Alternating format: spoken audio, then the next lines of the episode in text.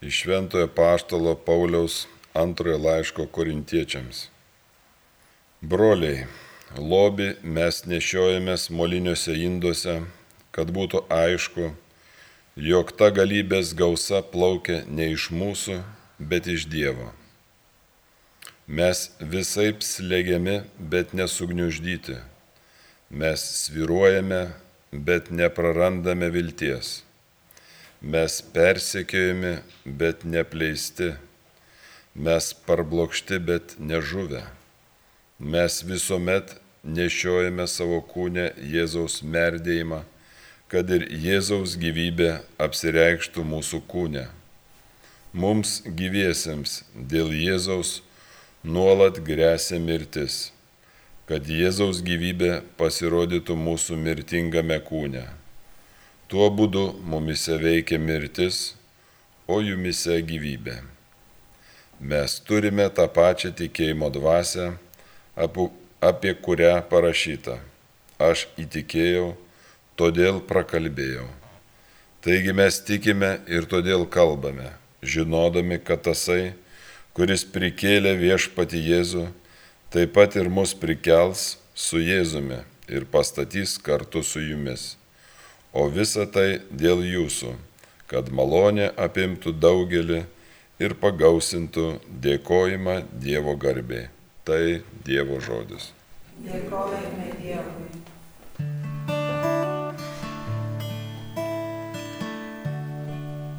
Su ašara beriamas grūdas, bet džiaugsmas piučiai atėjo. Ašara beriamas grūdas, bet džiaugsmas piučiai atėjus. Kai iš nelaisvės viešpats mūsų vedė, atrodė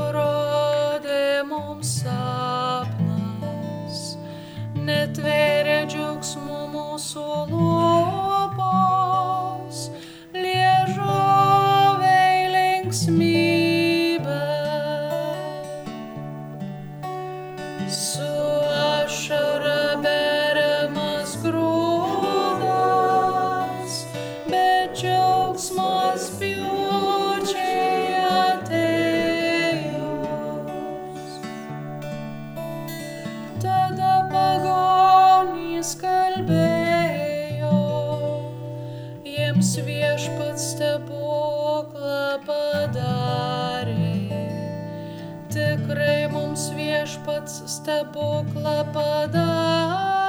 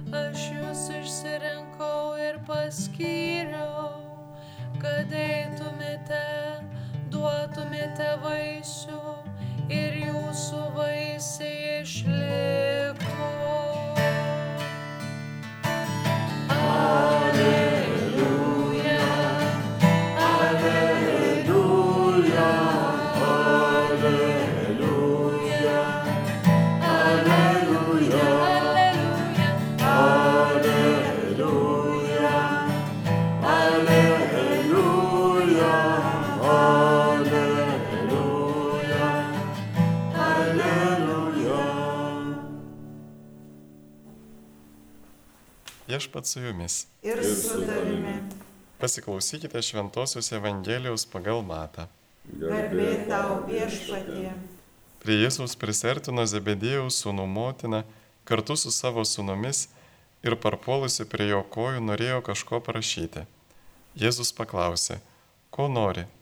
Toji atsakė, sakyk, kad šiuodu mano sūnus tavo karalystėje sėdėtų vienas tavo dešinėje, o kitas kairėje. Jėzus atsakė, nežinote, ko prašote, ar galite gerti taurę, kurią aš gersiu. Jie atsakė, galime. Tuomet jis tarė, mano taurę tiesa jūs gersite, bet sėdėti mano dešinėje ar kairėje ne mano reikalas jums duoti. Tai bus tiems, kuriems mano tėvo paskirta. Tai išgirdę kiti dešimt mokinių, supyko ant tų brolių, o Jėzus pasivadinęs juos pas save tarė, jūs žinote, kad pagonių valdovai pavergia tautas ir didikai joms viešpatauja, tarp jūsų neturi tai būti. Jei kas iš jūsų nori būti didesnis, tebūnė jūsų tarnas, ir kas panorės būti pirmasis, tebūnė jūsų vergas. Žmogaus sūnus irgi atėjo ne kad jam tarnautų, bet pats tarnauti ir savo gyvybės atiduoti kaip išpirkimo už daugelį.